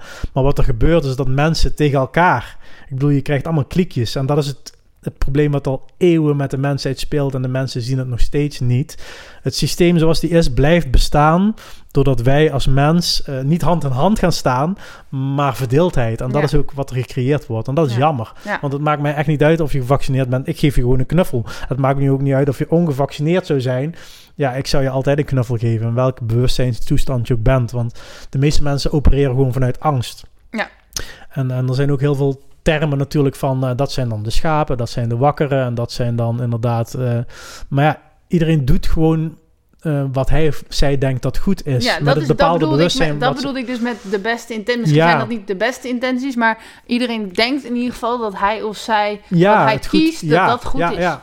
Maar goed, er mag wel een beetje bewustzijn zijn. Want je mag best wel voor jezelf kiezen en denken wat goed voor je is. Mhm. Maar tegelijkertijd zit er heel veel eh, eh, eh, oordeel, woede, wat dan ook, richting andere mensen die anders denken. Ja, En dat is het probleem van de hele wereld. En de wereld zal nooit opgelost gaan worden als wij dat probleem niet gaan herkennen. ja. Dat er altijd iemand anders is die de bad guy is. En nogmaals, daar komen we even terug bij. Als de wereld inderdaad een projectie is van een innerlijke toestand, Mhm. dan is er maar één plaats waar jij de wereld zou kunnen redden en jezelf zou kunnen redden. En dat is door innerlijk werk. Yes. En dat is wel mijn missie. En dat maakt niet uit of je dat met plantmedicijnen doet, of met meditatie, of met, met persoonlijke ontwikkeling, of met whatever. Ehm, dat is wel de rode draad. Om in te Mhm. zien dat elk probleem Ligt in jezelf. in jezelf. Ja. En als je de wereld wil redden, doe je dat in jezelf. En als iedereen in zichzelf zou gaan, dan zou de wereld inderdaad er anders uit gaan zien. Denk ik ook. En, an- en anders kan je in ieder geval, al is de wereld nog zo ellendig, als je het in jezelf kan vinden, dan kan je alles dan heb je nu wel jezelf al Ja. ja, toch? ja, ja, ik bedoel, ja, dan kan je ook in de gevangenis eh, Ja. jarenlang leven omdat je je goed voelt. Ja. Ik zit even te kijken, ik heb heel veel vragen opgeschreven. ja, En, er zijn nog niet veel uitgekomen. nou, maar ik zat een beetje van... eh, ik, ik dacht dus dat het 12 over 12 was toen we begonnen. Mhm. En toen keek ik nog een keer op de klok. En toen was het opeens... Nee, ik snap het niet meer. De tijd klopt niet helemaal. Dus ik weet nou niet meer wanneer ik moet stoppen. Maar volgens mij hebben we niet. nog wel even. Anders moeten we nog een podcast doen. ja, dat sowieso. Ehm, mm, mm, ja, ik denk dat ik dit nog wel kan vragen. Hoe lang speel je al gitaar en hoe is dat begonnen? Het is echt een heel ander onderwerp. Ja, ja, oh. oké. Nou, ik kan overal diepgang aan geven. hoor. Nou, hoe lang speel ik al gitaar? I don't know, niet lang. Dat is begonnen, alles is bij mij letterlijk mijn stem laten horen. Het zingen, het gitaarspelen. Ehm is niet omdat ik dat doe, omdat ik denk dat ik een zanger ben, omdat ik denk dat ik een gitarist ben. Absoluut niet. Ehm, dat is ook gewoon omdat ik er blij van word. En het Mhm. heeft te maken met mijn stem laten horen, letterlijk. En, en plaatsnemen en ruimte nemen in deze wereld. En nou kom ik wel even terug bij de plantmedicijnen, want Mhm. alles is bij mij ontstaan in het veld, in, een ceremo- eh, in de ceremonies. Ja. En dat is het mooie van een ceremonie. Daar hoeft niet speciaal een, een plant bij te zitten. Maar in een ceremonie, ehm, als die goed geleid en begeleid wordt, is een plaats waar je je maskers af kunt zetten. Een plaats waar je niet uitmaakt of je nou ligt te, te, te schijten of te kotsen of te poepen of te huilen of te schreeuwen. Mhm. Alles mag gevoeld worden en alles is, mag aanwezig zijn. En, en je kunt daar jezelf zijn zonder dat er een oordeel is. Dat is de kracht van een ceremonie. Eh, het klinkt nou heel spiritueel, maar vroeger zaten ze ook gewoon om het kampvuur. Mhm. Heel vroeger heb ik het dan over. Ja. En dat is hoe geheeld werd door verhalen te delen, door te zijn, door te huilen, door te lachen, door te gieren, door Ja. te brullen. En door Ehm, zelfs je lelijkste, voor zover Ja. lelijk bestaat, kanten te durven laten Er is zien. geen masker nodig in, Nee. een, in een ceremonie. En dat is de kracht wat je uit een ceremonie kan halen in het dagelijks leven. Dat is wat ik heb gedaan. Mhm. Ehm, ehm, je, moet, je moet voorstellen dat ik van een plaats kon. Ik kon niet eens praten met een vrouw vanwege mijn onzekerheid. En dat is echt tot. Ik ben nu 37 en Maar is. vrouwen zijn ook wel heel eng, hè? Ja, zo, sowieso. en jij ook bent heel eng. Nee, maar ik denk dat ik zeker de eerste 33 van mijn ja jaar van mijn leven kon ik dat niet. En, en praten met een man uh, had ik ook altijd een oordeel over. Want mannen die, die, die kijken alleen voetbal en die houden van bier. Moest ik niks van hebben. Mhm. Maar de reden dat ik dat zei ook was om afstand te bewaren. Waarom? Door het geweld natuurlijk. Ja. Dus uh, iedere stap die ik nam was in onzekerheid. Mijn stem laten horen, bewegen. Ja, mensen die mij kennen denken van ja, maar ik zag je altijd op de hardcore feest, de danser. Jij was de danskoning van alle tijden. Ja, met drugs, met een heel uh, masker op en een heel mooi lulverhaal. Allemaal leuk, maar um, ik ben pas echt mezelf gaan leren zijn en al die maskers af gaan zetten in een ceremonie. Ja. En in de ceremonie ben ik langzaam op de achtergrond met de shamaan mijn stem gaan laten horen en gitaar gaan zitten pongelen. Um, ook het dansen kwam daar. Het vrij bewegen is pas later gekomen. Uh, doordat ik steeds meer mijn maskers af kon zetten en mezelf kon zijn. Ja. En dat heb ik zeker te danken aan de ceremonies. En dat is, daarom is dat ook mijn levensmissie geworden. Dat, dat die impact is zo groot. Mhm. Um, En ja, waarom wil je jezelf dan geen zanger of gitarist noemen? Mag toch? Ehm, dat zou mogen, maar eh, dat is misschien een oordeel dat ik die kwaliteiten nog niet heb. Ik heb altijd een oordeel over mijn stem, dus er zit nog werk aan de winkel. Want ik had nog wel... Ik, eh, ja, misschien dat we het zo nog even op kunnen nemen... dat jij even een liedje gaat doen. Oh, Oké, ja, dat is een ander verhaal. je mag dat, nee zeggen, hoor. Dat, nee, wel. Dat- dat- nee, maar dat, ja, dat zou kunnen. Ik mag nee zeggen en dat ga ik niet doen omdat ik het gewoon spannend vind. Dus ik ga het gewoon sowieso doen. Oké, Ehm, nee, maar dat, dat is een heel, heel proces wat altijd zal blijven. Want je bent Mhm. nooit klaar om te leren. Je bent een eeuwige student, als je dat zo kan zien. Dat betekent dat er altijd nog wel dingen zijn die aangekeken mogen worden. Dan zal altijd, altijd ook iets nieuws komen. En bij mij, mijn rode draad is gewoon letterlijk mijn waarheid spreken. Mijn stem laten horen. Mhm. En ehm, voor mij is het nou ook echt tijd om uit de comfortzone weer te stappen. Want that's where the magic happens. En dat houdt in voor mij dat, dat, ja, dat mijn online academy, om echt te mogen gaan spreken en video's te mogen gaan maken, dat is een grote droom die ik al lang heb. Mhm. En die ik nou aan het verwezenlijken ben, eindelijk. Ja, en wat is dat voor... Want eigenlijk is dat dan een soort opleiding, denk ik? Nee, nee, nee, nee. Het, het, zijn gewoon, een- een- het gaan trainingen worden online, die je vanuit ja. thuis kunt bekijken. Oké. Eh, ik ga bijvoorbeeld ook de cacao-ceremonie met yoga, met muziek, met ademwerk ga ik opnemen. Mhm. Zodat mensen dat vanuit thuis zelf kunnen ervaren. Cool. Uh, maar er komen ook trainingen op, op het gebied van bewustzijn, trainingen op het gebied van ehm, die overstap maken van hoofd naar voelen, van hoofd naar hart, van niet voelen naar voelen. Dus dat is de missie van de Academy. Mhm. En ehm, ik wilde dat ook omdat, ehm, mm, ja, zoals ik al zei, het werk wat ik doe is niet voor iedereen bestemd, het fysieke werk. Dus ik wilde ook Mhm. een andere ingang hebben om alle lessen die ik zelf heb geleerd en die anderen hebben geleerd vanuit plantmedicijn, om die om te zetten tot fysieke trainingen in een online academy. Zodat mensen ook gewoon op een andere manier ehm, ja, mee kunnen genieten eigenlijk van, van de diepgang en van de lessen die ik heb mogen ervaren. Ja.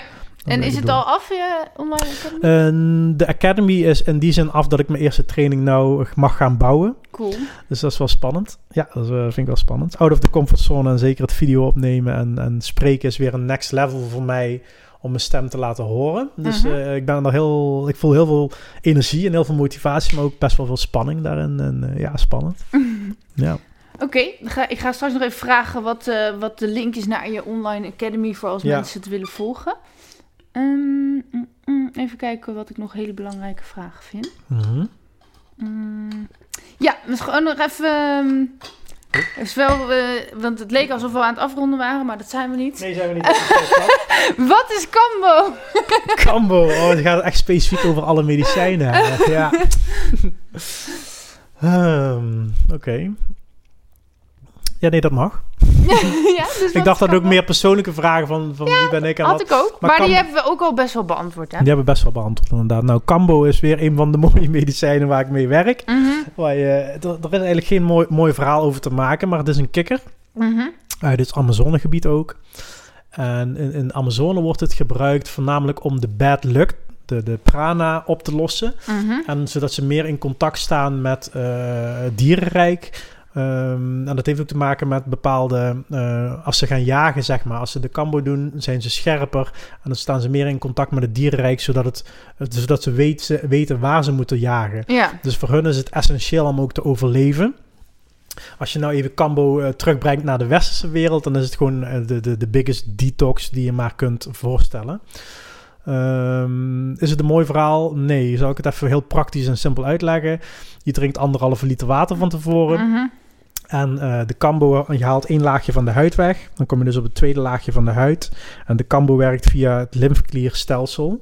En dat gaat heel snel. Op het moment dat je die cambo uh, plaatst, dan gaat het binnen enkele minuten raasten door je lichaam. Je gaat het super warm krijgen. Uh, het gaat letterlijk door je aderen heen. En dan gaat het een scan maken. Letterlijk voel je soms in je organen de scan.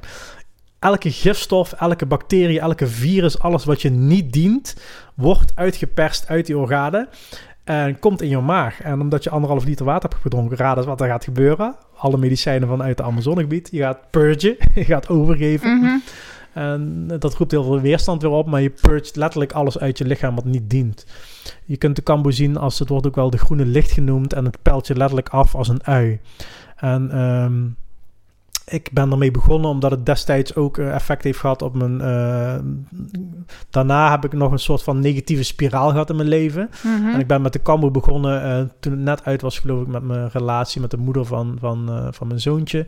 En dat heeft mij toen ook uit die negatieve spiraal gehaald, omdat een van de peptiden, zoals dat genoemd wordt, zorgt ervoor dat werkt op het gelukshormoon ook. Mhm. Dus het is breed inzetbaar voor negatieve gedachten, voor, anti, of, voor depressie. Mhm. En um, het, het, heeft eigenlijk verschillende soorten actieve stoffen. En dat zijn er echt meer dan 100.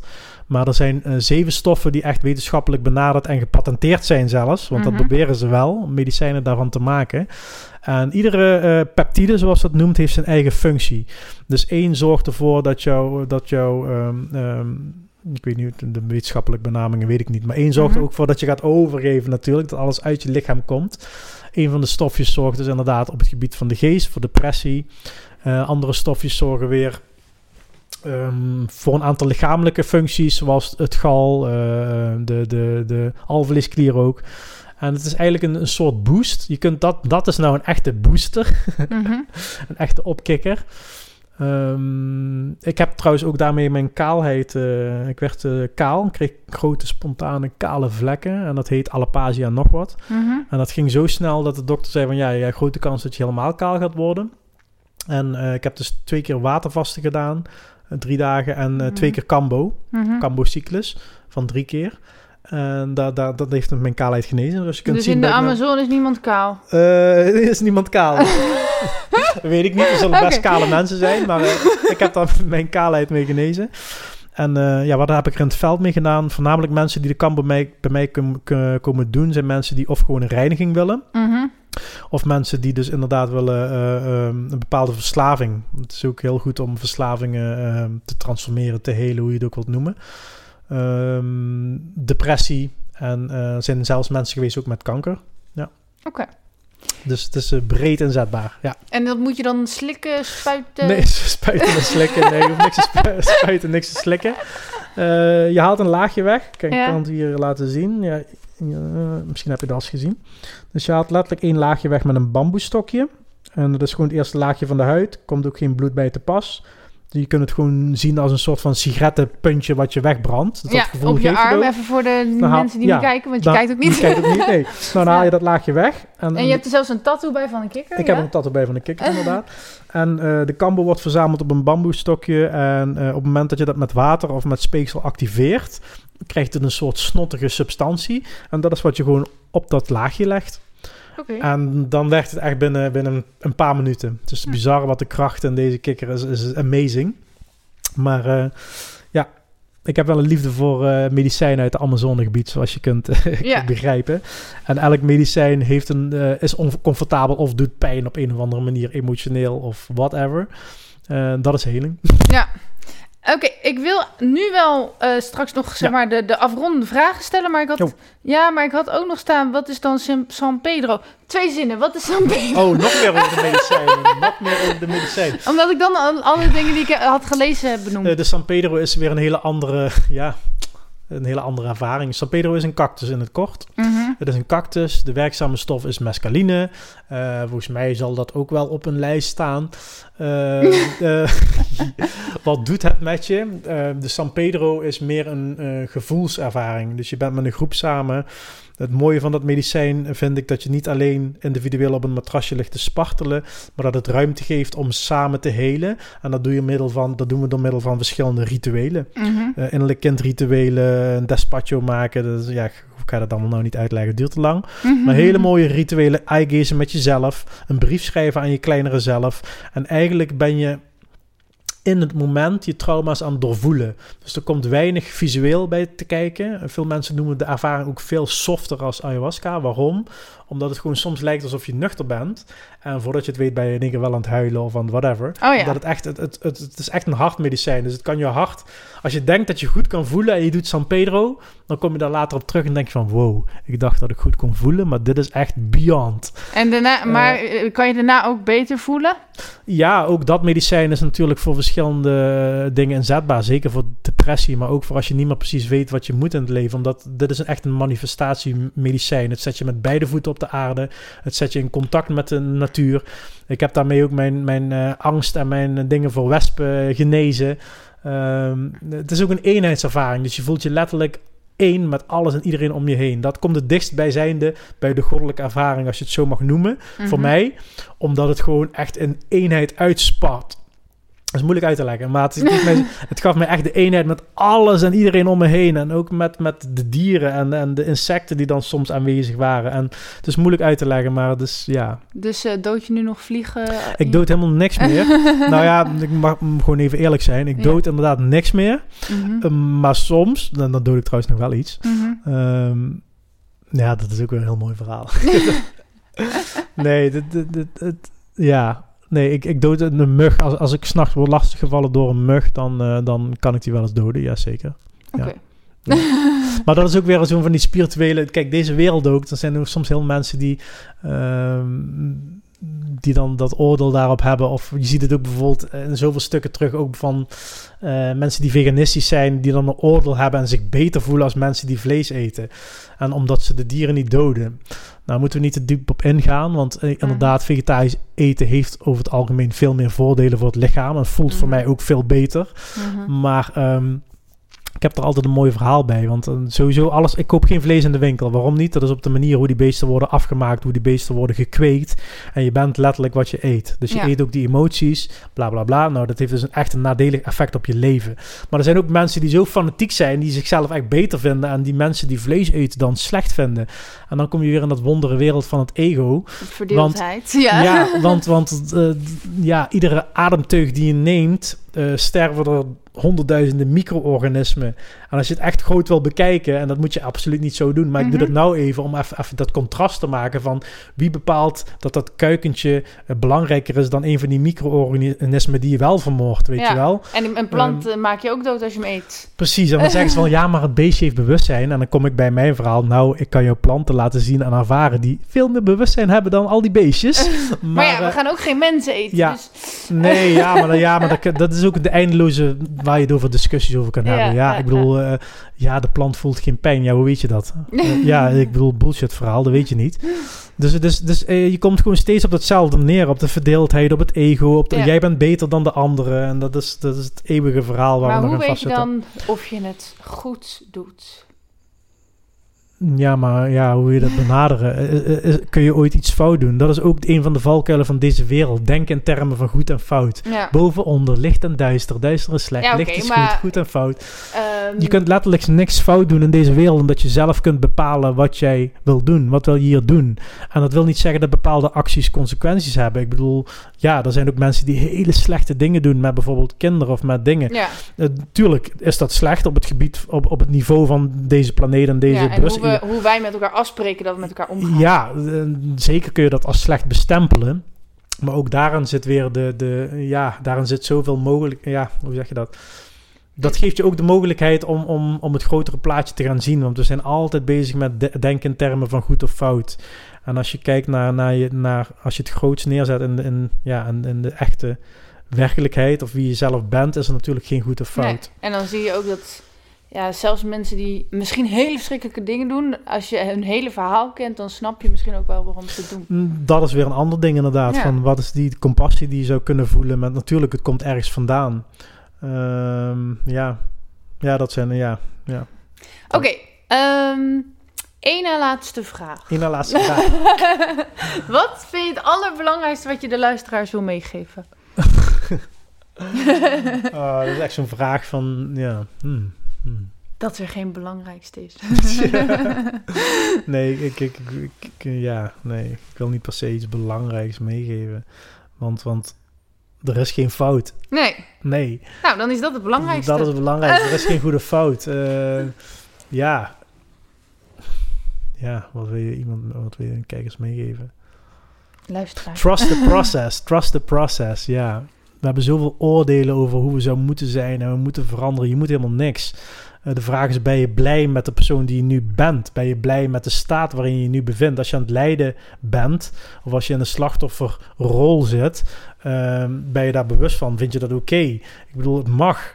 Er is geen goede fout. Je hoeft geen duizenden mensen te hebben om goed genoeg te zijn of duizenden mensen te helpen. Je hoeft geen, eh, geen wereldredder te zijn. Ehm, ja. Ja. Dus doe gewoon je ding. Doe waar je blij van wordt. Dat Ja. zou ik mensen willen meegeven, ja. Doe waar je blij van wordt, ja. Ja. Waar kunnen mensen je vinden als ze nu meer over jou of over je werk willen weten? Eh, mijn academy staat nog verborgen. Uiteindelijk ga- eh, gaat dat wel hartsoul.skillba.com zijn. Maar het beste wat je kunt doen als je mij zou willen volgen is op Facebook beginnen, waar ik nu nog actief op ben. Want daar schrijf ik eigenlijk de meeste verhalen, daar deel ik nog de meeste video's. En je mij zoeken op Kelvin Welling. En ehm, ja, ik denk dat dat de beste Ja, ingang is. Dus dan kunnen mensen ook ceremonies met je boeken, toch? Dat zou ook via daar kunnen gaan, inderdaad. Of je stuurt een, een, een- een mailtje naar info kelvinwelling.nl. Website is dus kelvinwelling.nl. En ehm, ja, het, het leukste vind ik gewoon is dat je me gewoon persoonlijk benadert en of, of dat we een videocall doen. En ja, dat vind ik gewoon het fijnste en het persoonlijkste. Ik hou niet zo van dat zakelijke dingetjes. Nee. Maar je mag me daar volgen. Ja, Ja, nou, ik heb echt nog honderd meer vragen voor Ja, je, maar ik denk dat we zo een goede ik samenvatting had ook zo'n gevoel, ik had nog heel veel meer andere dingen willen Ja, delen, maar dan maar wordt het echt Nee. eh, vier uur luisteren. Nee, nee, dat, dat kan, dat, kan, dat kan echt niet, nee. Nou, super bedankt dat je er was. Ja, dat is wel een beetje een leuke, een, een, een, een, een vrolijk eh, deuntje. Ik zou deuntje, want je verstaat er toch niks van.